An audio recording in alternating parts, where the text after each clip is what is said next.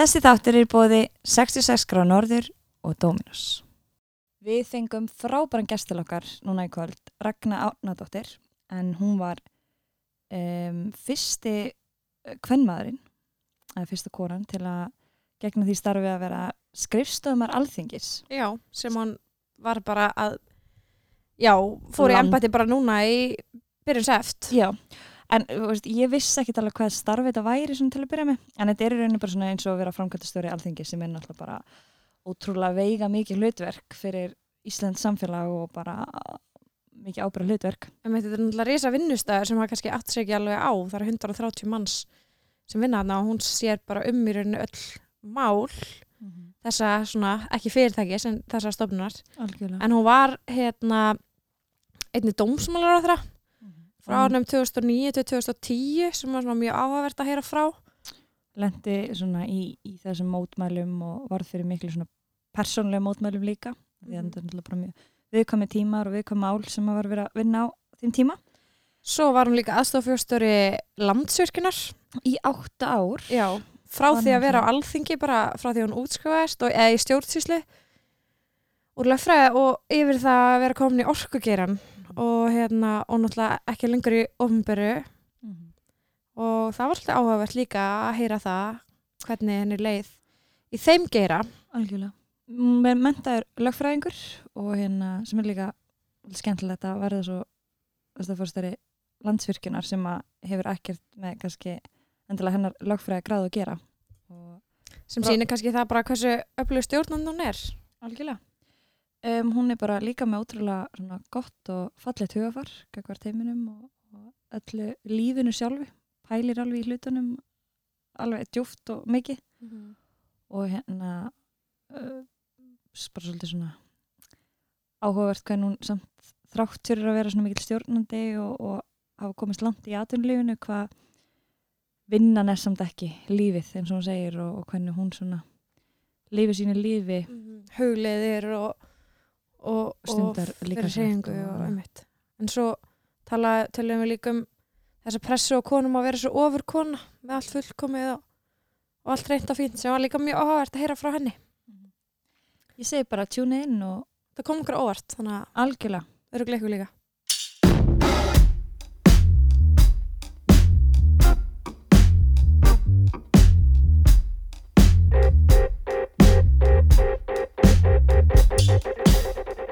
Verið velkomin í þáttinn þegar ég hefur stór ég heiti Vaka Njálsdóttir Og ég heiti Valarún Magnúsdóttir.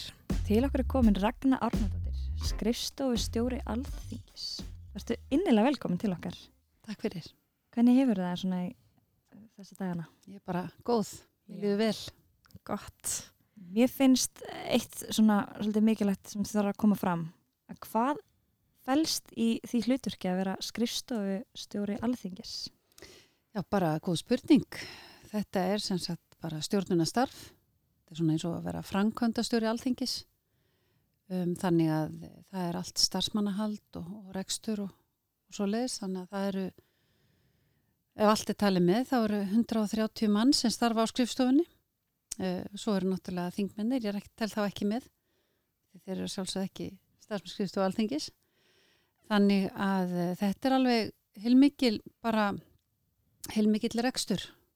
Þannig að, já, ég myndi bara best lýsa þessu sem framkvæmdastjóra starfi en það líka heita svona mínu kollegar á til dæmis Norrlöndum þetta þeir heita framkvæmdastjóri eða fórstjóri e, þingana. Þannig að, Núna Hvað- varst þú fyrsta konan til að gegna þessu hluturki já, á Íslandi. gaman að segja frá því. Já, til að ekki við það. Hvernig er þetta ellendis? Þá eru, það er bæði uh, konur og karlar í, í, í augnablikinu, ég er ekki eina konan en, en þetta var auðvitað til skams tíma var þetta uh, karlastjett. Mm. En uh, nú eru æg fleiri konur að koma, koma inn og það er bara gott. Það er bara frábært. Mm. En auðvitað voru þau á undan okkur. Sjálfsögur, samt eru við efstalistarum. Já, já, já. en hvernig myndir lýsa svona hefðin degi í vinnu hjá þér? Úf, já, það er bara eiginlega ekki hægt að lýsa honum vegna þess að enn sem komið er allavega engi dagur hefðbundin. Uh, það er þannig til dæmis ef ég lýsi morgundeginum að þá uh, eru nokkri fundi fyrir hádegi sem ég á með uh, bara við hérna, starfsfólkið og, fórstöðumenn og við eigum, eigum svona reglulega fundi þannig að, að við förum þar yfir ímismál. Síðan eru svona, geta verið fundir í, í oft í hátteginu uh, með þingmannum. Þá er það mögulega þingmenn sem eru í fósettisnemnd eða mögulega þingmenn sem eru formenn flokka, þingflokka. Nú en síðan bara þegar að líður á daginn þá hefst þingfundur þannig að þá er spurningin hvort að ég ætla að setjast inn í þingsal eða ekki og það er nú bara misjamt eh, ef þið bara mun eftir hvernig þetta er í sjónvarpinu þá er hérna þingmaður að tala í ræðustóla alþingis og, og fyrir aftan þingmanni sittur fórseti alþingis og svo við hliðin á fórseti alþingis sittur starfsmaður alþingis. Uh, það getur verið ég en það getur líka verið fólk sem vinnur á, á, á svo kallari þingfundaskrifstofu og þau sitja á niðurlega þarna og þau uh, ég segi þau vegna sem ég er nú svo mikill nýgræðingur ég segi nú við þau ganni að ég er starfsmaður í þjálfun að uh, þau stjó, uh, aðstóða þá fórsetta þingsins við fundastjórn vegna þess að það er bara heilmikið verkefni, það er mælindaskrá og það er ímsa reglu sem gilda, það fer eftir bara hvað er verið að ræða um, hvaða reglur gilda um, um, um lengt ræðna og svo framvegs þannig að þetta er svona þarf að vanda sig í þessu. En, en sem komið er þá, þá er ég svo, þar er ég svo mikið að kynna mér mörgunum mál sem að, að bera upp að ég er svona kannski minnst búin að vera þarna mm. Þú erst náttúrulega bara ný tekið um starfinu Já, já Ég, bara, Vá, ég þarf að hugsa um það Jú, jú, ég byrjaði þarna hvað, fyrsta september, já, já. Mitt, ég, Hvað er núna? Já, það er eitthvað 20. og hvað, fyrsti? Já, já tímur svo fljótur að líða Mér líður þess að tvær viku, sko mm -hmm. en, já, já, já, neini, þetta er bara engi dagur eins, en, en það er líka fínt svo getur orðið hansi langi dagarnir Þannig að spyrja, er þetta svona 8-5 vinna? Nei, alls ekki. Þannig að eh, maður það líka að læra að stjórna því og við komum kannski betur inn á það eftir en það þarf þetta gæta að jafnvægi milli uh, vinnu og enga lífs. Mm -hmm. Maður má ekki gera út af við síðan vinnunni, það engið sem þakka manni fyrir það. Mm -hmm. Þannig að... Lífi er ekki bara að vinna. Nei, það er merkilegt nóg. Eða var vind okkur ræðsmyndingar? Ég held það. Er þetta tilbúðan Ragnar? Nei, nei. ok, ekki. Ok, og við byrjum. Hvernig vaknaði morgun? Hálsjö. Hvert ferði til að kúplaða út? Uh, í ræktina eða í íhugun. Uppáhalds matur? Ó, oh, kjöttbólur og kartablumús. Uppáhalds sjómasefni? Ó, ó, ó, ó, ég maður það ekki. Ég er alveg bara, já, það er bara matmenn. það er best af Ísland? Uh, vatnið. Það verst af Ísland. Veðrið. Uh, hvað hluti getur ekki lifað af án að hafa hann? Ah, ég veit ekki. Er það að tala bara um hluti, ekki Já. fólk? Um, hvað hluti getur ekki lifað af hann? Uh, Ögblíðansins. Uppáhaldsborg. Kaupanöf. Ef þú mætti vera einhver annar eitt að hver verða? Mm, einhver annar Þetta er hraðaspurning. Þetta er eitthvað annar. Já, ég veit það ekki. Bara, það ekki, krakki á leikskóla og vera út í rigningunni í podlagala. Hver er þín helsta fyrirmynd? Ah, ég myndi segja bara amma mín, afi minn. Afar mínar og ömmur. Mm -hmm. Sér lítið helst. Frábært. Stóðst þið mjög vel. Já, já, já þetta var bara fínt. Það var bara alveg glæsilegt. Madmen, ég ætti að ráða það. Það var skemmtilegt. Það er ekki dottið inn á það. Já, já, það er alveg hægt að festast í því eins og öðru. Þú sagði að það stundir íhugin, ertu að huglega? Já, ég er í Qigong uh, í hérna, Fossvóinu, það eru tveir heimar heiti það og ég fer til sværi viku. Mér finnst það alveg ómissandi. Ég hef líka stundar það er bara líka alveg frábært. Það er bara stöðva trafíkin í hausnum. Það er svo gott að reyna að hafa stjórn á huganum og hugsa ekki um neitt og fá hjartengingu mm -hmm. þannig að það breytti mjög miklu fyrir mig. Þannig að ég get fullir það að ég fer sér satt á mótnana tvisar í viku og þá mótna sem satt fyrir hátegi þá er einbyttingin alveg í, í, í góðu lægi þannig að ég myndi segja að þá mótna vinn ég kannski heilt dagsverk á tveimur, þreimur tímum vegna þess að hugurinn er bara einhvern veginn alveg reyðbúin. Þannig ég mæli hygglust með því Mhm. En það getur verið svolítið, svolítið kunst að koma sér inn í þetta og þú veist, læra að anda og hafa stjórn á þessu öllu saman og það er svo auðvelt að gefast upp en það fólk hefur bara að gefa sér tími í þetta. Algjörlega. Hvað ertu búin að vera lengi að þessu? Ég er búin að stunda íhugun núna meira og minna í eh, kannski svona 8-9 ár en, en, en svona reglulega er ég búin að gera kannski þrjú ár og eins og ég segi þetta er bara einhver ákverðin sem maður tekur að gera þetta. Ég veit að sumi nota bara einhver upp. Það er líka bara mjög gott og í þessu er eins og öllu sko, sem að ræktin eða íhugun eða hvaða fólk verður bara að finna hvað hendar því best. Það er ekkit bara eitt fyrir alla. Kom eitthvað til að byrja svona meira að þessu fyrir þreim ára síðan? Já, ég fekk nú bara kvartningu og ég fór að hugsa um það hvort ég ætti kannski að láta þetta reyna og, og ákvað bara að, að svona hella mér í þetta um, og, og sé ekki eftir því. Þetta er bara eins og allt annað, veist, bara eins og að fara í rektina. sem maður ákveði bara að fara í rektina. Ok, nú ætla ég bara að fara í rektina. Það er rosalega dugli í rektinni. Þetta er bara svona, nú er ég að fara að gera þetta. Já, frábært. En hérna, hvað langaði alltaf að verða þá verið stjór? Kennari. Hvaðan kom það? Sennilega því að uh, móðusýsti mín heitin, hún var kennari, ég leita óskapla mikið upp til hennar og amma mín var kennari og átti tvo afa þeir voru báði skólastjórar þannig að ég kem að kennara ættum og ég sá þetta alltaf fyrir mér að, að mér myndi langa að fara að kenna og, og var, sá þá fyrir mér að kenna í barnaskóla. En uh, svo var það bara þannig þegar ég var sjálf í mentaskóla þá var svo mikið kennarverkvöldum að ég í, alvörinu bara talað ákvað að þetta var ekki eitthvað fyrir mig að þurfa að berjast fyrir mínum kjörum á þennan hátt alla daga. Og þetta svona dróði mig kjarking hvað það var það þannig að en ég er einhvern veginn alveg samfærum það að, að eh, þetta hefði verið frábært starf fyrir mig. Það henda mér röglega rosalega vel Kannski seinna. gaman að kenna. Já, já, Aldrei of kannski. nei, nákvæmlega, aldrei á sein Ég mun alltaf segja að þetta sé eitt mikilvægsta starfi í heiminum. já, bara alveg hárið Bara Klart mál. hvet alla í það. Og kannski Já. eitt vannmeðnasta líka. Algjörlega. En hvað er alveg stöp? Já, það er svona bara mestmegnis í Kópavóinum en þar áður bjó ég í, með fóröldur mínum fyrst í Svíð og svo Danmörku. En ég var á, á nýjunda árið þegar við fluttust í Kópavóin.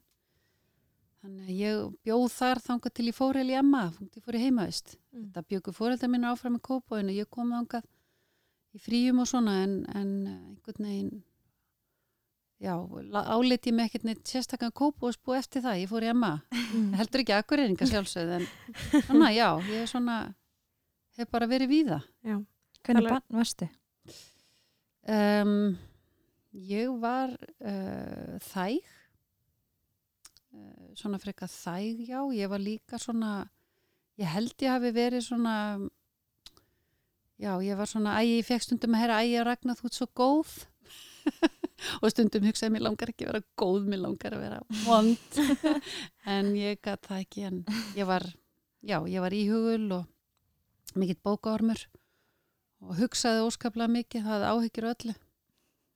Þannig að þannig pann var ég. Varst eitthvað í íþróttum? Ég var í sundi. Uh, eiginlega einungis vegna þess að besta vinkunum mín var í sundi og, og svo vinni mínir en mér langaði mest að vera í frjálsum íþróttum en þá var bara ekki leifilegt að vera í tveimur íþróttum að þurfti að velja. Og ég valdi sundi að því þar voru vinni mínir en ég get ekki sagt að sundi hafi legin eitt sérstaklega vel fyrir mér. En þetta býr maður að því ég menna við setjum, fara í íþróttir og það er nú ekki til þess að allir vera einhver íþróttastjörnur, þetta er bara stöðla góðri heilsu. Mm -hmm. og já, þannig að hérna, ég alltaf hugsað um að reyfa mig eftir það En af hverju MA? Ó, já, ég segi það nú. Ég er bara af hverju Emma, sko af og Emma voru bæði stúdendar og Emma en það var eiginlega þannig að því ég sagði að ég hef verið mjög þæg sem barn. Ég var rosalega óþekkur úlingur það var eiginlega svona já, þetta var kannski til að bæta fyrir það hvað ég hafi verið svakalega þæg hvað ég var alveg óbúslega óþekk Varstu vandræðalingur? Nei, en ég var bara óþekk. Ég var svona, vildi fara minna einn leiður og gera svona einhverja hluti sem voru bannaðir og ég ekki að tala um hér. en hérna, en eh, já, allir ég hafi ekki bara mest vilja komast undan foreldra aga og, og, og, og fara og vera frjáls og, fara að vita efintýrin og við vorum tvær vinkonuna sem að tölum okkur upp í þetta og svona hálf píndum fóreldra okkar til þess að leiða okkur þetta. Það stóð ekki til að fóreldra mínar þeir, ég hef stundu spurti hvernig stóð á því að þau leiði mér þetta og mamma sagði bara, bara veit það ekki. Það bara, þú varst svo, ég var svo ákveðin í þessu. Ég var líka alltaf mjög ákveðin þannig að já, ég var bara búin að taka stefnu á þetta og svo var náttúrulega voru ég og vinkuna mín uh, fórum hann að norður og ég var með svo mikla heimþrá ég var algjörlega bara að kikna undan því en ég gati ekki viðkjent að ég hefði ránt fyrir mér. Þannig að ég ákvaði að halda þetta út. Og svo bara eftir fyrsta ári, fyrsta veturinn þá var þetta bara svo skemmtilegt. Þá var ég búin að komast og kynast krökkunum og kannski að því ég var líka svakalega feimin þá var ég svona alltaf lengi að kynast krökkunum, ég meina það var ekki fyrir eftir áramóta ég fór svona hætti að vera mikið inn á herbyggi og geta keks og drekka svala.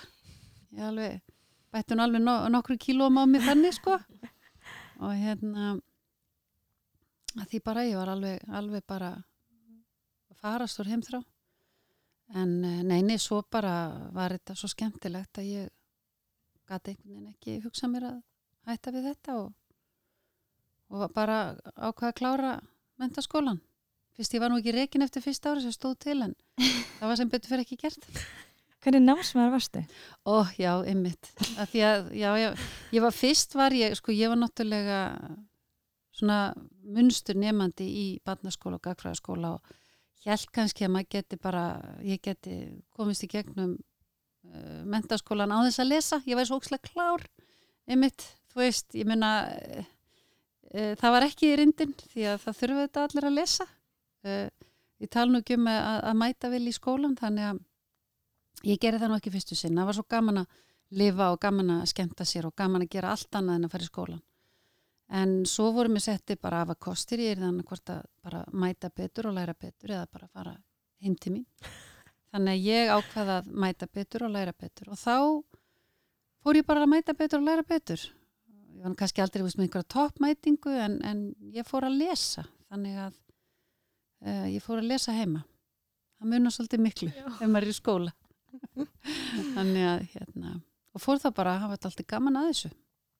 Ég var að fóra málabraut ég gafst strax upp á starfræðinni sem að, var bara vittleisa en ef maður er búin að vera í skóla og ganga alltaf svo vel og svo fær maður að ganga ill í einhverju þá getur maður líka freistast þess að bara gefast upp strax. Og ég gerði það gagvart hérna raungrænunum eins og ég hafi nú staðið með alltaf vel í þeim. Þannig að e, það er eitthvað sem að ég hefði ekki átt að gera. Mm. vera svona, gefast upp svona öðvöldlega en ég minna, ég fór mála braut og, og, og, og það var bara mjög skemmtilegt og gefandi. Varstu virkið félagslífinu?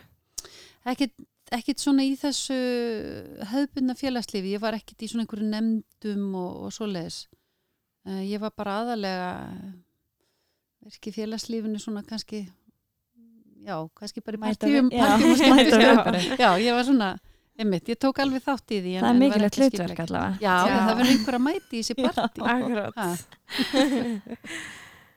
en eftir að vera já, næstu í reygin úr Emma eða gefin hann einhver skilir á fyrsta ári að þá ferði í lögfræði hvernig umturðnaðist það? Já, það var kannski vegna þess að ég hafði alltaf ætlað mér að fara í að verða kennari.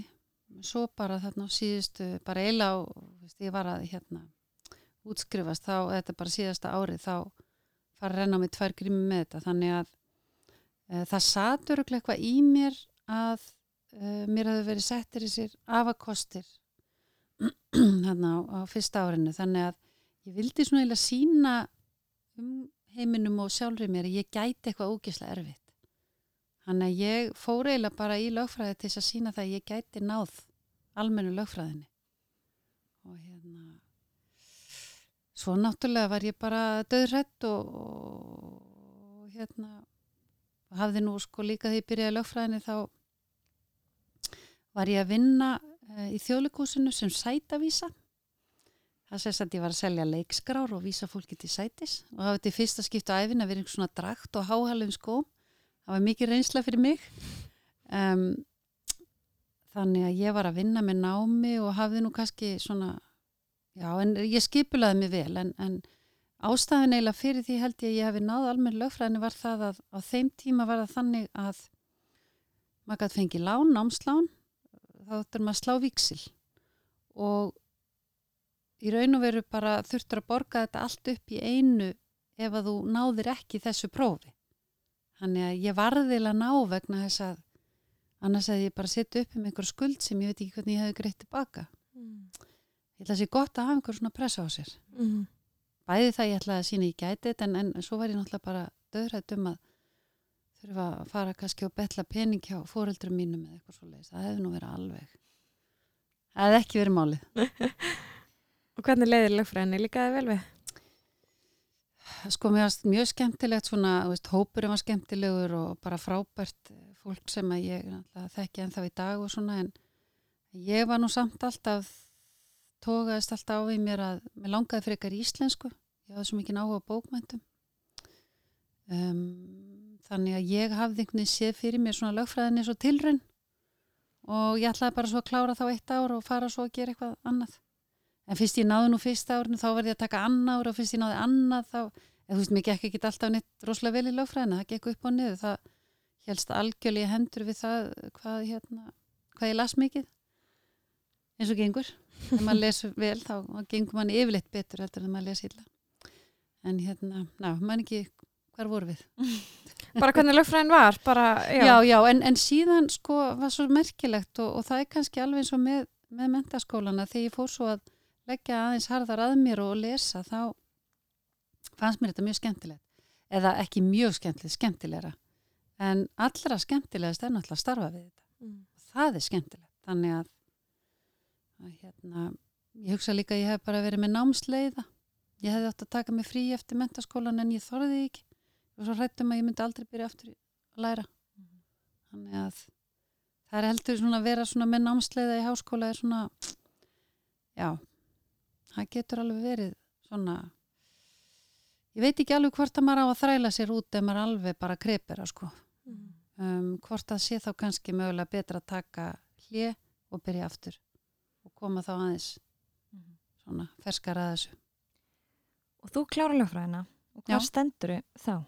Og, og hvert líkur leiðin?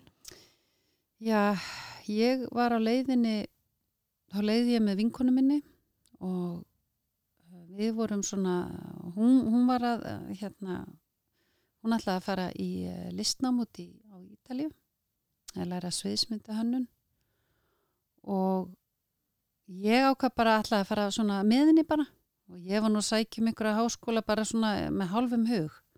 Ég ætlaði bara að fara út og láta þetta ráðast. En um, á sama tíma þá kynntist ég tilvonandi mannu mínum og ég bara svona hliðarsaga, ég ætlaði aldrei að giftast og aldrei að vera á föstu en, en hérna aftur uh, en uh, já þannig var að, að uh, ég kynist honum bara akkurat á þessum tíma og, og svona til þess að svona bæta hans á þetta þá um, hafði ég fengið lán hjá föðu mínum fyrir síðasta vetrinum í háskólanum. Þannig ég skuldaði hann pening. Og fæði minn sá í hvað stemdi ég var leiðin til Ítali og hann leið svona ljómandi vel á tilvarandi einmann minn. Þannig hann sagði mig að ég yrði að vera heima um sömari til þess að vinna með skuldina. Þannig hann setti mér í mælingar. Ég fór í mælingar og var að mæla fyrir háspennulínu allt sömarið. Og þá náttúrulega, já, þá bara uh, var því svo ægil ástfangin að ég bara komst ekkit á- frá landinu þannig að þetta plott tókst alveg, alveg. En, en þá og síðan um, um hausti þá sá ég auglýsingu frá alþingi, skrifstof alþingis þannig að Þú hoppa bara beint að það. Já, ég hafði verið í, um, þegar ég var í, í laganámi þá var ég á kursus eins og það heitir, við starfsnámi á lögmanstofu og ég fekk það hlutverk að meðal annars að ringja í fólk og segja að það skuldaði. Og ég bara fann mig ekki í því. Ég bara var allt og linn, linn inn, hérna í Þannig kom góða ragna inn. góða Ragnar, hún bara vond? alls ekki verið og bara ef einhver sagði já, ég, með, hérna, ég get bara alls ekki borga ég segi, nei, ég skil það. En það var ég skýtblöng á þessum tíma og var sjálf að fá einhverja rukkunir fyrir hinn og þessu inn og mína lóu. Þannig að hérna ég var svona ekkit viss hvort að mér langaði að vinna á lögmannstofu og ég hafði nú unnið eins í uh, umhverfsraðunitinu sem var þá nýstofnað. Hafði unnið þar fyrir nefnd og hafði svona kannski svolítið áhuga á stjórnsýslu um, og svona aðeins áhuga á því. En, en svo sé ég bara þetta frá skrifstof alþingis, ég hafði bara aldrei gert mér í hugalund að vinna þar sko um, á alþingi. En já. En ég fór bara í viðtal þar og, og hérna og fekk að lóku starfið. Mm -hmm. Og þú starfa sér lengi innan stjórnslýsinnar og, og, og alþingis uh, endar sér sem hann að dómsmjör á þeirra í kringum hvað 2009-2010 mm -hmm.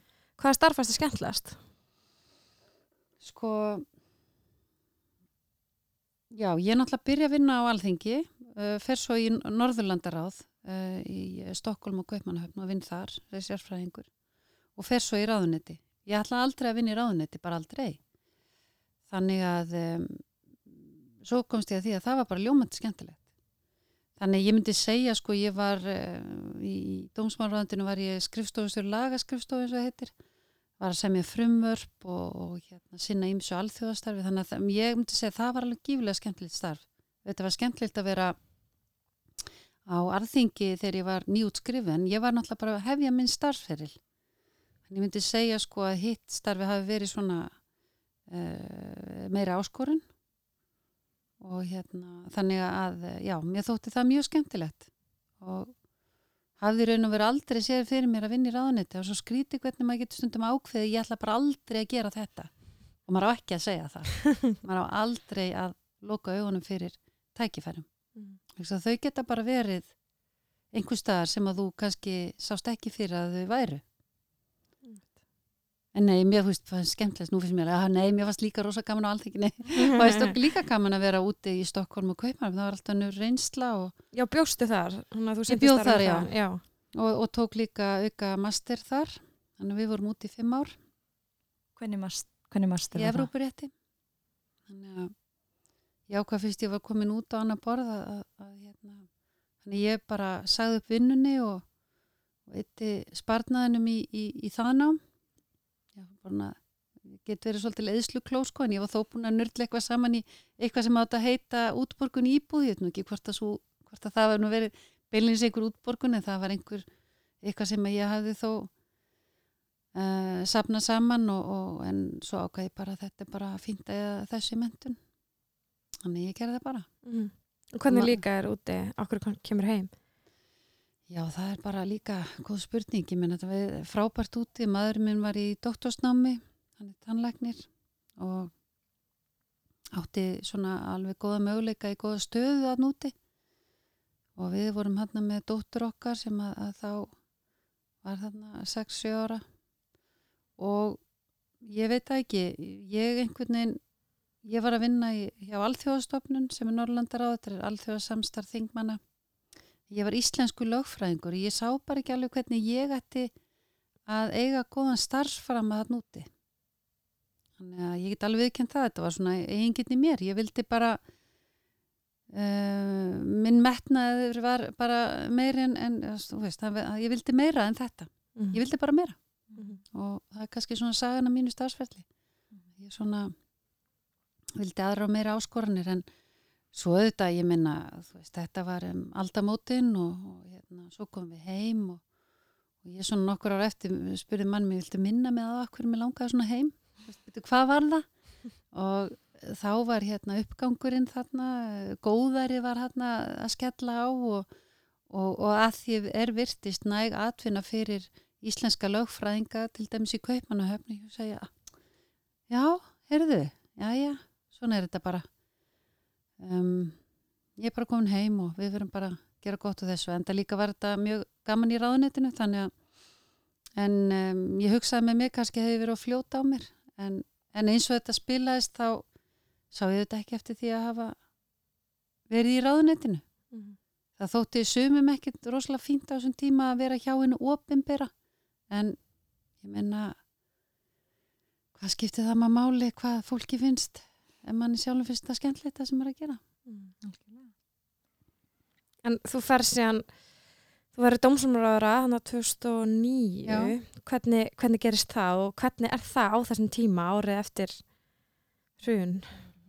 Já, það var náttúrulega sko, hrunið er þarna um, um haustið og, og, og ég er að vinna í stjórnsýslunni og það uh, vill þannig til að hennan oktober mánuð örlega ríka 2008 þá uh, er ég akkurat að taka sumafríið mitt. Uh, ég hafði verið að leysa ráðunitistjóran af um sumarið og hann kom tilbaka um hausti og þá fer ég í frí og þá fer allt bara það er alltaf annari hliðinni þegar að, að, að ég er að sumafríi í öngum mínum að sjálfsögðu því að ég menna þetta var ræðilegt og maður vildi þetta geta lagt sitt að mörgum en, en um, það var einhvern veginn ekki, það voru önnur ráðuniti me, meira í því sem að, að lauta svona björgunar aðgerðum og uh, svo gerist það bara, náttúrulega voru mótmælinn og búsáaldabildingin og, og ég var nú lánuð yfir í fósittisráðuniti þarna um þessi áramót. Þannig að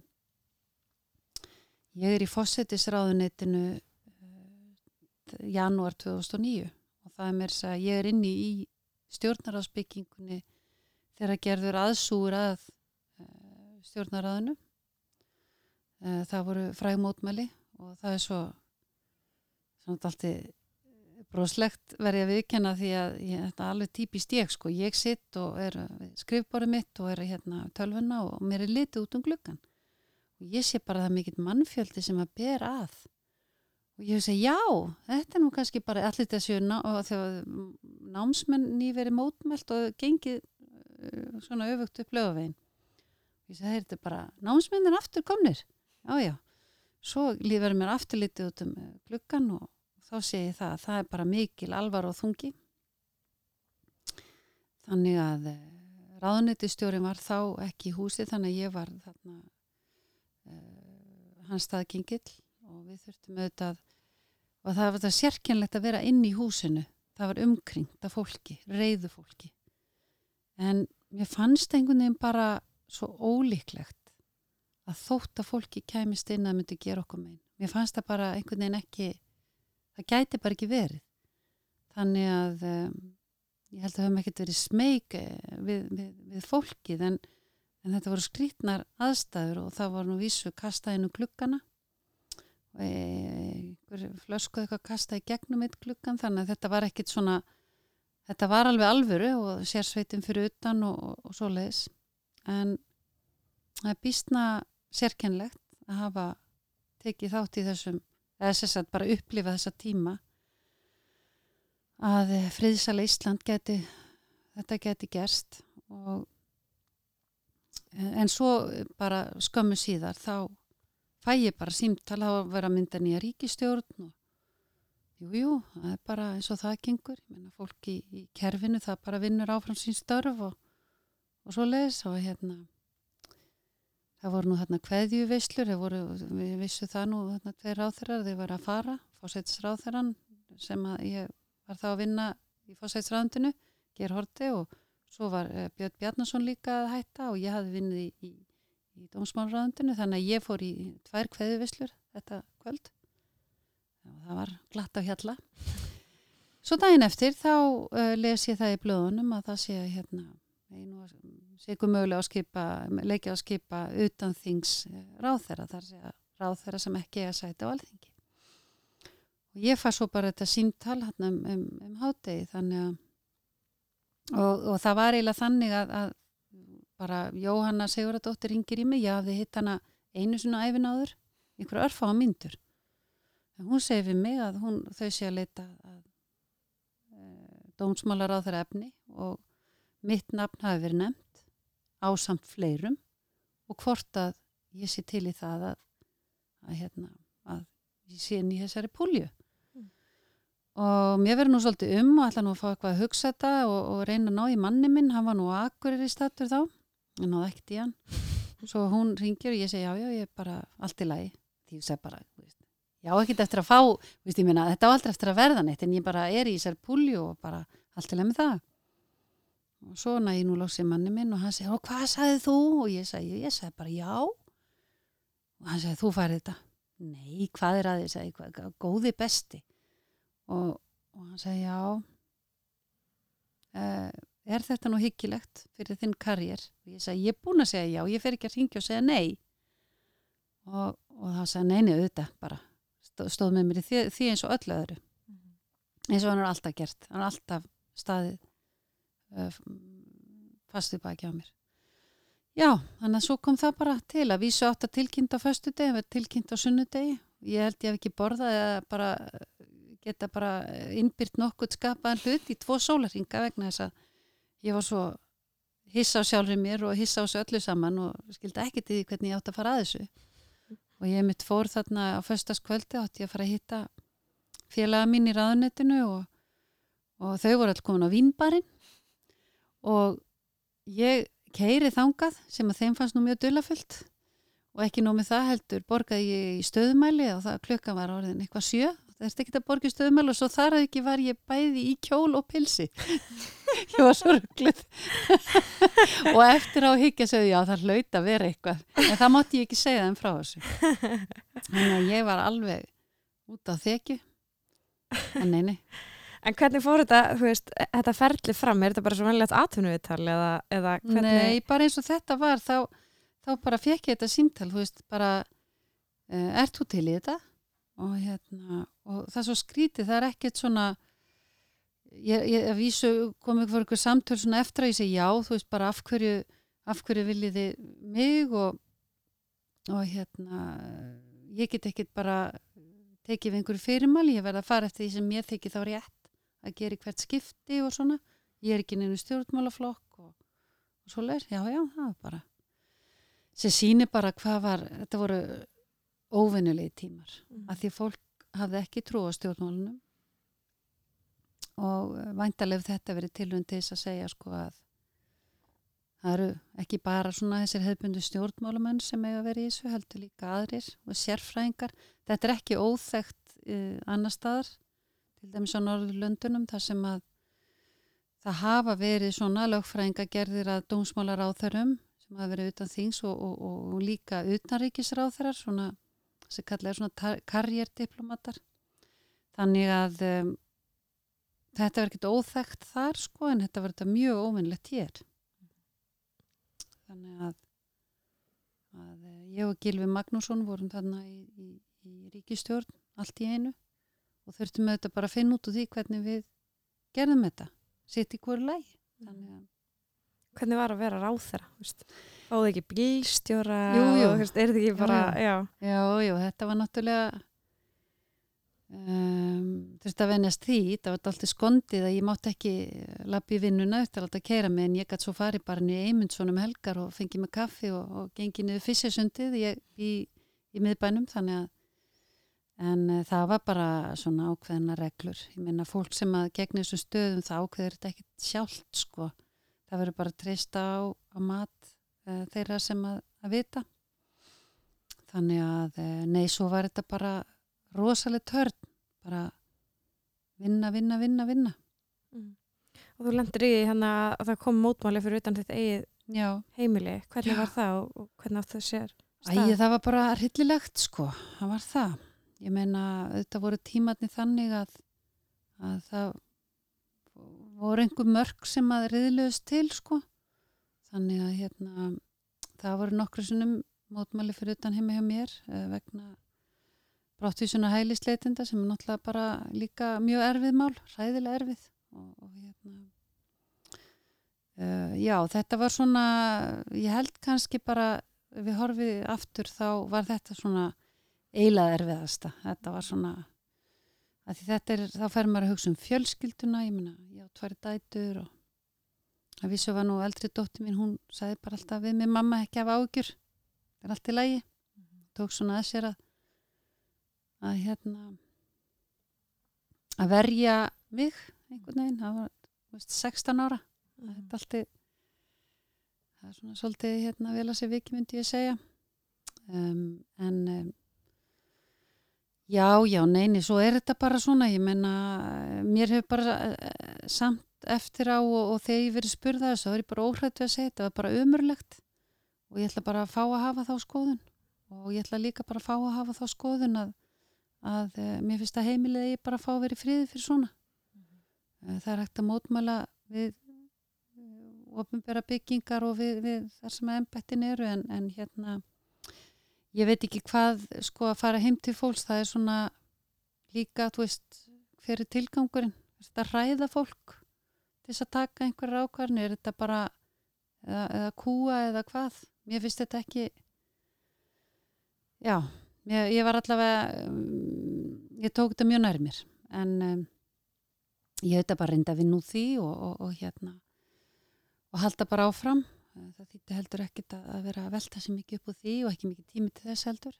Mhm. þannig að, að já já, þetta er bara svona í reynslu bankan að Gerðir þér grein fyrir því þegar þú tókst í starfinu hversu svona persónulegt þetta gæti orðið? Starf? Já, ég er náttúrulega búin að vinna með, ég var búin að vinna með stjórnmálamönnum, með þingmönnum, með ráðherrum, allan minn starfsferil. Þannig ég vissi að þetta gat, sko það er, þetta er alveg sagt ykkur það, að það er eitt sem að, að svona flestir embættismenni að samilegt og það, það, það langar ekkit sem vera pólitíkusar. Þannig að e, það er bara fólk vilju sér e, sína, sín störf og sín vettvang en ég var allavega einn af þeim embættismennu sem langa alls ekkert að vera pólitíkus en veist, hvernig gæti ég hort í speilin og sagt ég tók ekki veist, þegar að allt var að vera vittlust og, og, hérna, og ég er spurð þá verði ég náttúrulega að segja já. Og ég bara mjög feini ég gerði það. Alveg frábært. Sko frábært að fá að kynnast að frábært að fá að kynnast sjálfum sér á þennan hátt. Uh, ég fekk það ekki verið að kynnast annari hlið á mér en ég vissi ég eftir til. Ég var alveg bara mér fannst ræðileg tilhugsun að þurfa að fara í um, sjónvarsviðtöl áður. Og hérna og svo bara þegar maður fattar það að maður lifir þetta allt saman af að það er bara einstakt sko. Þess vegna hef ég nú alltaf, veist, ef einhver segir já, barni mitt er svona eða hins einn eða eða ég er nú svo svona hins einn, bara ekki vera viss um það, þú veist, ég var feimnastelpan um, og ég komst að því að ég gat þetta alveg. Er ekki svolítið svona erfi lína svona við höfum oft talað um með pólitíkina og pólitíkusa þú veist, einmitt þetta að vilja þóknast þjóðinni og, og samfélaginu og einmitt að hafa sína sterkur skoðanir og, og einhvern veginn já, annarkvort samtvinna þetta eða velja annarkvort pólinn, sko ég held bara að það sé og ég meina þú sem óflokksbundin kannski Já. sleftir við þennan part af því eða Jú, í raun og veru kannski að einhver leiti þar að segja ég slapp við að þurfa kannski að hugsa mjög mikið um það hvað fólki finnist. Sko ég hafði bara þá stefnu að, að segja "M- ég bara teka ákveðin sem að ég tel vera rétta út frá bara þeim upplýsingum og gögnum sem að uh, ég hef og reyna að gera henni besta. Það þýðir ekki það að maður sé óskeikull en ég reyndar að hugsa það alltaf sko. Já, já, ok.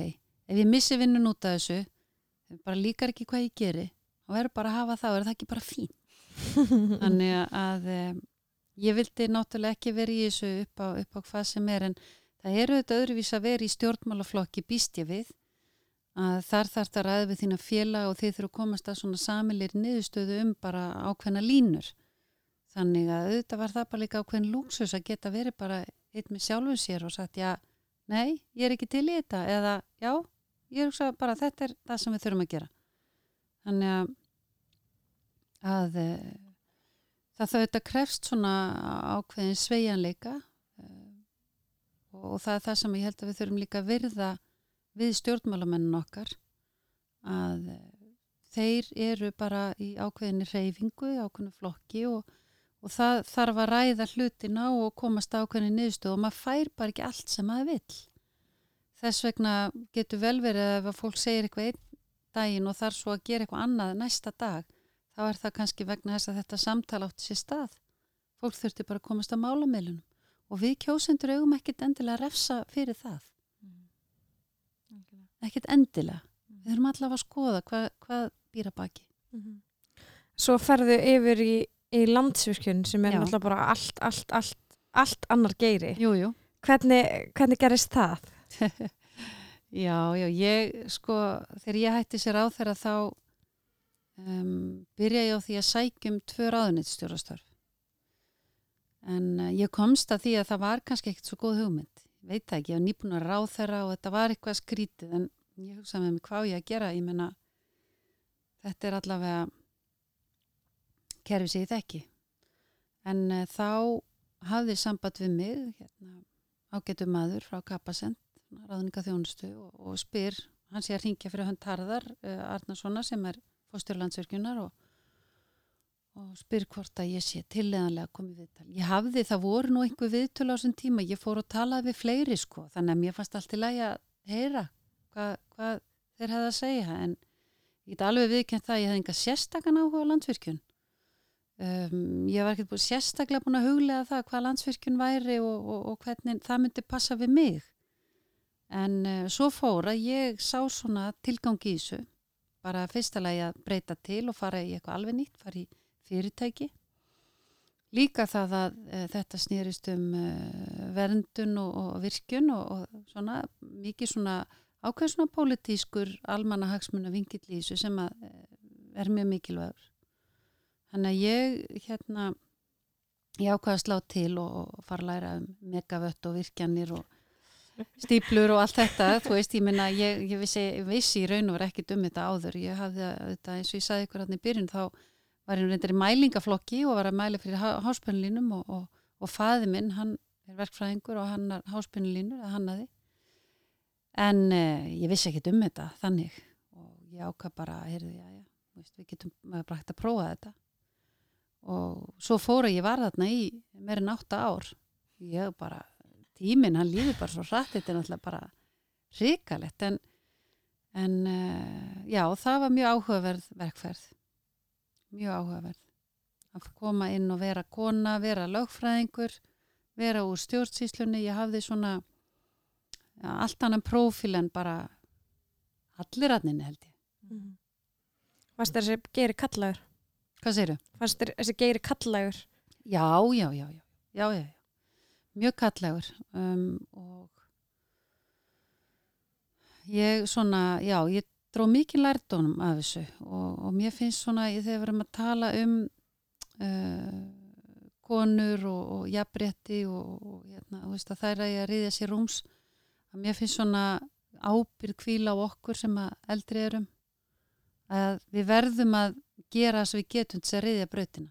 En stundum og oftast þurfum við kvartningu og að þessar yngri íti á okkur. Og maður þarf að vera ofin fyrir því.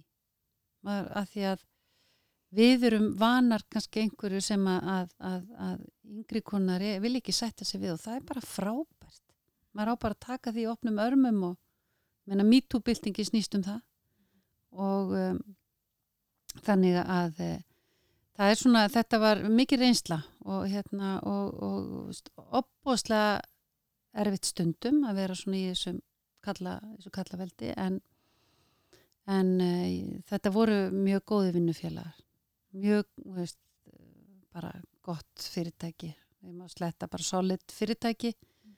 Þannig að um, það var bara sem betur fyrir hægt að, að, að við, við unnum bara úr því. mm. Og vona ég þetta er samt sem áður það er nú ekki Eh, það er bara, við vorum þarna ég var tímabili eina konni frangatstjórn svo vorum við tvær það var alveg frábært. Eh, nú er aftur bara ein nei, nýbúið að ráði staðan fyrir mig, það eru tvær aftur. Þannig að e, það verða að vera fleirin einn mm. og það verða líka bara að vera fleirin tvær svo það sé sagt, en, en það þó skára að vera tvær heldur en einn Hver var svona aðal munurinn á því að vera bara, bara þessi eina tala, þessi einn einni til viðbútar? Já, það er bara svo ótrúlega förðulegt og það er eitthvað sem er svo erfitt að festa orð á en um, það bara skipti máli uh, á einhvern hátt sem ég get ekki alveg útskýrt mm. og þegar að við tölum um það að hérna uh, að það er að ráða konur í fyrirtæki fleira því að slík fyrirtæki skili betri arði og svona þá er alltaf byrtu þurfum við endilega að fara að færi fyrir þessu rauk sko við höfum að snúa þessu við og segja af hverju eiga fyrirtæki ekki að hafa 50-50 konur og karlar? Uh, og þau þurfa að færa rökin fyrir því. Þetta er alveg eins og bara hver er munun að vera ein og tvær konur? Ég get ekki alveg sagt það en það er munur.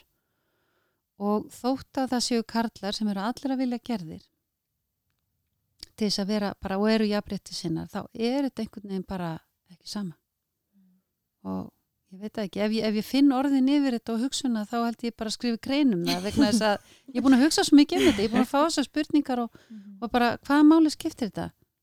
Já, ég veit ekki, en það bara skiptir miklu máli mjög miklu máli. Og, og hérna kannski líka bara eitt sem að mér dettur bara huga akkurat núna er að maður fær bara meira frelsi til þess að vera maður sjálfur og vera bara svona maður þarf einhvern veginn ekki að taka þátt í sko, eða maður getur bara fengið að vera bara einhvern veginn, það er já, ég veit það ekki, nei, nú er ég fann að ráða Nei, nei, Já, þetta já. er svona þessi samstæð og þetta bara einmitt að, Já. þú veist, að, að hérna, sýstralag eitthvað. Algjörlega, Já. algjörlega og ég menn þetta er þetta að spyrja nákvæmlega sem spurninga við eina kallin í, í tímana hvernahóp, þú veist, akkurat, hver var í munurinn að fá einn kallmann hérna í viðbóta Einmitt. í stólinn, hann geta ekkert alveg sagt það en það veit er bara alveg. munur einmitt. það Já. er bara held ég líka bara þú veist kannski líkar hugsunarháttur og líkar orðalag og bara Já. tenging þú veist sem að fær við einmitt einhvern veginn sitt kinn og meina, við höfum líka oft talað um þetta hér Mhm. í þáttunum að þú veist að konur tengja bara meira við kvennkjens fyrirmyndir já, og, og Það hérna, það var eitthvað sem að við vildum bæta með þessum þáttum sko. mm um, síðan fyrir það aftur nú alþingi já, Hvað kemur til? já, já. saknar þess eða? Uh, sko, það sem að, að, því áðan vorum að tala um það hvað með þetta er skemmtilegasti vinnustæðan ég bara, alþingi í mínum huga var alltaf mjög skemmtileg vinnustæður uh, maður svona smittast ákveðni bakterju þar sem ég hef bara aldrei losnað við. Í fyrsta lagi það er bara þetta er stór vinnustæður það er rosalega mikið að gerast þar.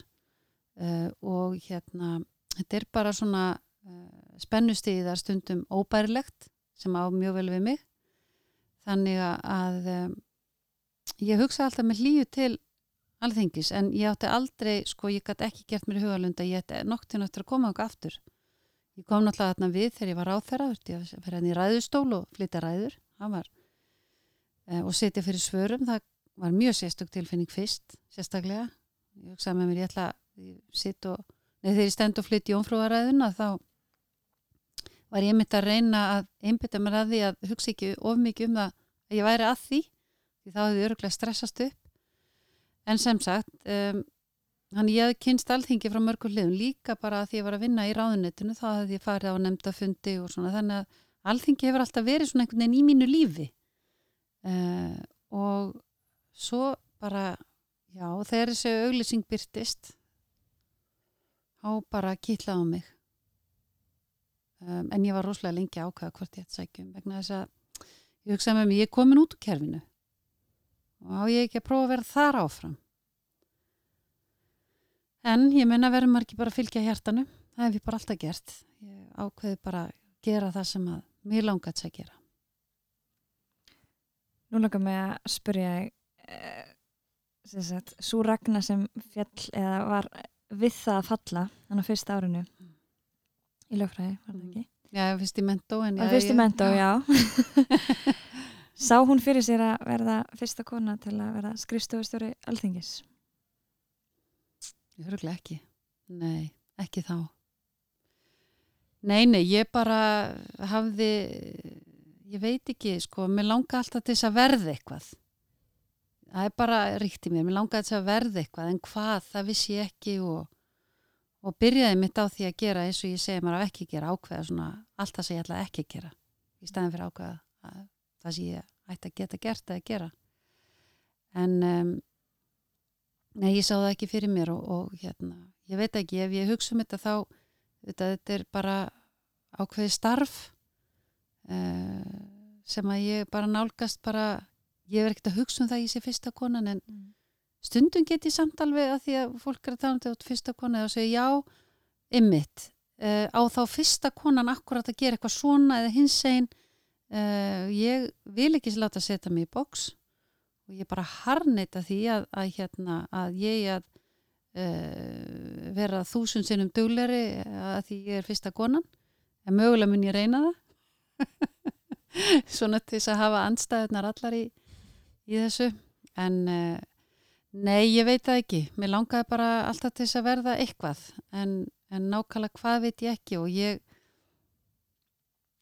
eh, held að mín starfsferill sé svona óvinnulegur að mörgu leiti. Ég meina þegar ég fór að vinna á alþingi nýjútskrifa lögfræðingur þá fekk ég spurninguna þú veist að vinna á alþingi, ert ekki, ekki útskrifastu lögfræði?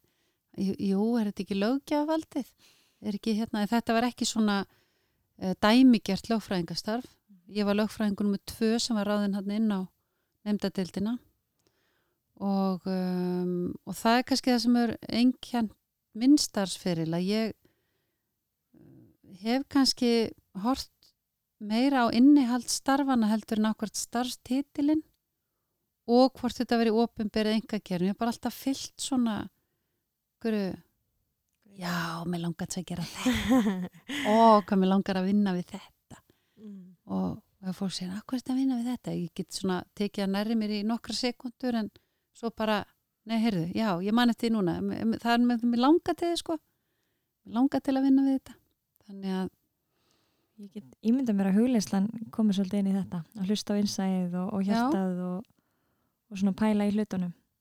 Algjörlega Mhm. Nei, og þetta er bara mjög mikilvægt að, að hérna, og þetta lærði ég nú engum og sérlega þegar ég var á þeirra þá lærði ég að, að, að hugsa svona, ég menna og það er þetta að standa með sjálfum sér að bara skilja það að þetta er það sem að gera á hverjum tíma og maður ætlar að bara að gera það vel og maður verður að skilja sjálfa sig, þetta er eins og bara að finna gamla passamynd og maður sagði, guð minn góðu, hvernig gæti ég verið með svona klippingu? Mhm. Heru, þú veist, þetta var kannski tísku á þessum tíma. Þetta var kannski bara íðisleg klipping. Og þetta er alveg svo með þú veist svona ákvarðanir og það sem maður gerir. Maður, veist, og þetta sem að íhugunur hjálpa mér, maður bara veist, maður gerir eitthvað og maður gerir eftir bestu getu. Svo kannski gerir maður ekkert eftir bestu getu og maður kannski gerir einhver mistök. Þá líka bara að horfa stjóð við það og setja ég er ekki fullkomin, ymmit þótt mér langið sem vera rosa fullkomin þá er ég það bara ekki Þá kannski talandi um þessa ofur konu sem að hefur mm -hmm. myndast í, í samfélaginu og þú hefur áður talað um. Mm -hmm. Hvaðan heldur þetta hugta komi og, og hvernig myndur þú lýsa þessari ofur konu? ég veit ekki, ofukonun á bara að vera hvað, æðislegan starfsferil æðisleiri stöðu, hún á að að vera velvaksinn og vera í flottum föttum og eiga fullkomin börn og æðislegan eigimann og frábært heimili og að það sem er aldrei er drasl. Um, og, og jafnvel bara kannski tvent og þrent af þessu. Veist, það er ofukonan. Og elda ótrúlega góða mat. Ég, minn, Já. ég tala nú ekki um það.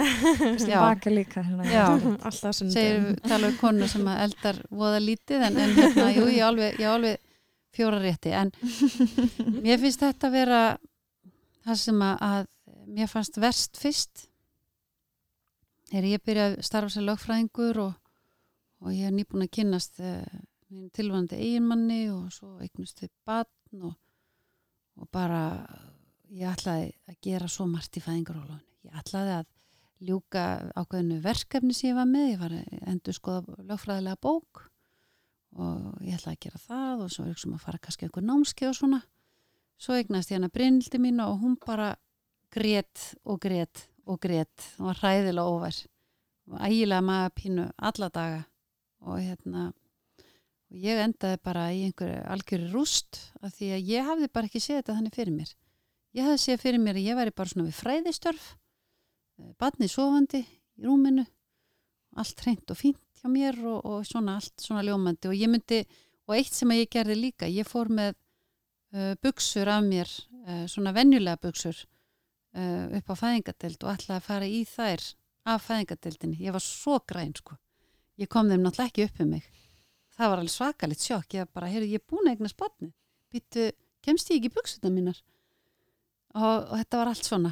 Ég var einhvern veginn svo ofbúslega bláið að ég skilða ekki. Og var ég þó sko ég var þó orðin 26, nei, 27 ára gömul þegar ég eignast hann, ég er nú ekki engin krakki. En ég bara hafði þessar hugmyndir. Þetta er bara allt svona rosalega fullkomi hjá mér. Og hérna og, og svo var það bara ekki. Og þá fór ég að svona í framhaldinu, ég meni ég fekk fæðinga þunglindi og, og fannst það alveg hræðilegt.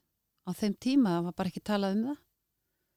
Og um, svo þegar að það kemur nú upp úr durnum og ég man eftir því ég fór í hérna ákvaða að bregða mér að bæ í, í, í samkvæmi svona fyrir eh, hérna unga móður með batna brjósti og það var svona töpperver party. Það verið að selja svona töpperver svona alls konar dósir og, og hérna ílát. Það var alveg bara mætt aðna og fullt af kettlingum og eina að selja allar þessar dollur. Nema það að þá segja svona eldri konu við mig jæja, hvernig er nú að vera Ertu, þú áttu ekki ung batni jú, jú, ég er nýbúin að segja já, er það ekki frábært? Og ég sagði þar nei, eiginlega ekki. Og batni séu bara ekki neitt og ég er alveg úttauguð. Og þá sagði þar, já við könnust nú við það. Svo segir hún einu aðra, mannstu sigga hvað þú varst alveg miðinn og bara batni þitt var alltaf svaf aldrei þú varst alveg komin nýri í kjallara. Já, ég man vel eftir því sá hún. Þá uppgöttaði ég þetta er eitt af þessum stóru tapu Aldrei tala um þetta. Aldrei tala um þetta. Og, og hérna kannski er bara uh, partur af því að vera fullkomin er að vera ofullkomin því að hvernig læri maður? Uh, hvernig þroskast maður áfram sem einstaklingur ef maður gengur aldrei í gegnum þetta ég hef alveg verið að vilja vera án þessara reynslu ég viðkenni það en, en fyrst að ég þurfti nú endilega að fara í gegnum þetta þá hef ég bara nýtt þetta mér til þess að bæði að veita stuðning það er alveg ótrúlega algengt og, og, og líka bara að, að þroska mig sem mannesku og, og hérna já og bara svona þróa og þroska umbyrjalindi vegna þess að maður getur líka að halda maður sér á umbyrjalindi og svo er maður það ekki en um, já þannig að þar kemur þetta með ofur konuna sko mm -hmm. og mér finnst þetta bara ekki hægt að vera að leggja þetta á bæði ungar konur líka unga feður. Leggja þetta ungt fólk að það í að vera svona ofbáslega fullkomið og gera svona ofbáslega margt. Eh, og það þurfa að ganga svona vel og þau þurfa öll að vera svona fullkomin. Ég meina ég held að fólki bara eh, við erum ekki að gera unga fólkinu greiða með því að gera þessa kröfur. Og eh, ég held að eh, það er engin fullkomin og það er ekkert líf fullkomið nema væntalega þetta ófullkomna sem er það fullkomið. En um, við eigum aðeins að, að horfa á þetta og þegar við tölum með fyrirmyndi þá er það sé ekki glansmyndir. Það bara gengur ekki upp. Það er ekkit jújú, það geta verið einstaklingar framúrskarandi einstaklingar. Það er allt til að hefja þá til vex og virðingar en þá verðum við að muna það kannski að það eru kannski bara þessir örfáu svo komum við hérna, massin bara og við erum bara uh, kljást við okkar líf og við okkar sambönd og vinnu og allt þetta. Þannig að, að uh, mér hefur vorið tíðrætt um þetta líka þetta að uh, ef þú ætlar að taka þátt í afbreytsbaratin þá verður þú bara að vera í stjórnum eða stjórnandi. Allir bara í þessu sama í alvöru, það er bara, er ekki þannig og það fellur fólki misvel að vera í mismöndi hlutverkum. Sumir eru bara frábæri sérfræðingar uh, sumir eru bara frábæri því sem eru að gera og aðrir eru bara frábæri stjórnendur. Það er ekki allir stiftir í sama formið. Þess vegna finnst mér að ungt fólk sem að velu sér sitt uh, þá að velja út frá því sem að það sjálft er ánætt með og það sem að fellur að þeirra löngunum og þrám uh, og það sé þá eitthvað sem við viðkennum að sé bara frábært. Já, ert að gera þetta? En skemmtilegt. Eitthvað svoleiðis. Í staðin fyrir að það einhvern veginn að fólk sé óanægt með að því það er ekki að gera ákveðna hluti það var svo óanægt þannig að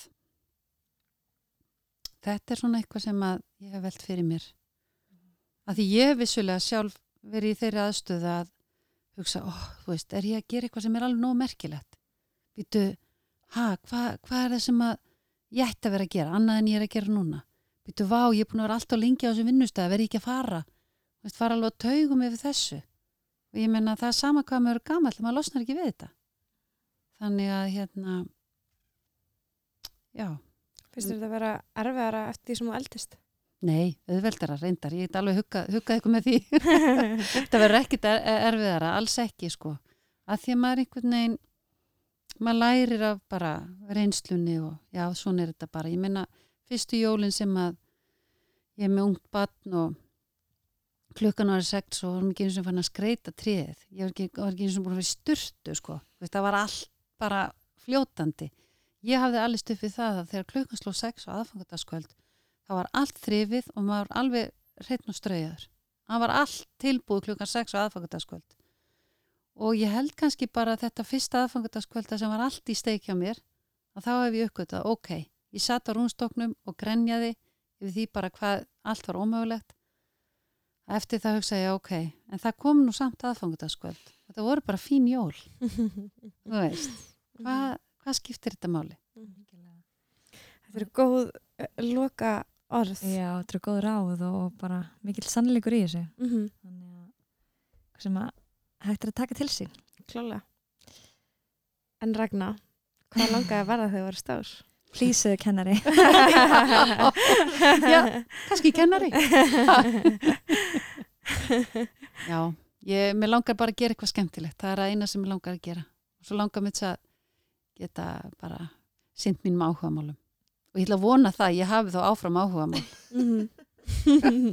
Ég held það, heldur betur. Takk fyrir að gefa þið tími í þetta og koma til okkar. Gott að spjalla við þið. Og hérna, við sjáum þið kannski fyrir Sömuleiðis. kramhúsinu. Já. það er það. Beyoncé dans. Já, algjörlega. Takk fyrir að hlusta. Takk fyrir.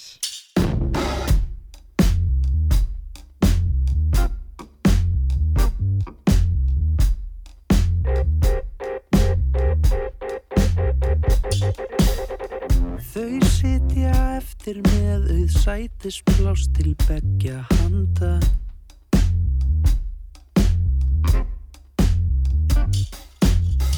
Dreipandi sitt á hvað á drikkjunum sem eftir standa. Alveg sjálfsagt, ekki að minnast á, láttu vaða leistu skjóðu frá ég segi engum. Svo krifjast hjartans mál og einhvers andadýr er panda.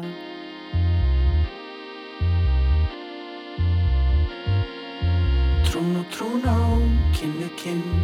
Þú og ég og einhver vinnu þinn. Trún og treyna, trún og við halda. Nóttin naum og stórðin við halda Trún og trún á, kinn við kinn Þú og ég. Og einhver vinur þinn Trún og treyna, trún og við halda. Nóttin naum og stórðin við halda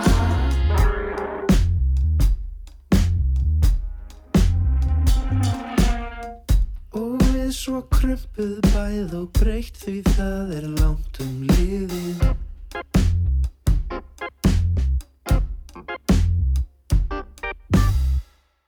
Og hundruð hunda ára hafa okkar daga drifið.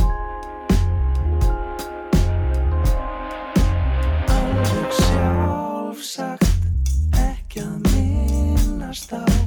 Láttu vaða, leistu skjóðu frá. Ég segi engum Trún og trún á, kinn við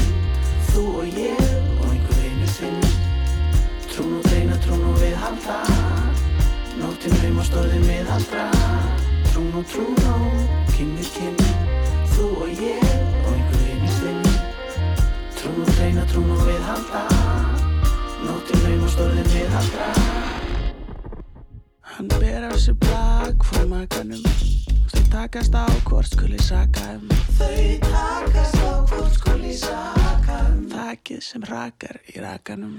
En ég makaði á það frá þú tilbaka ha Vert ekki This means hit it like a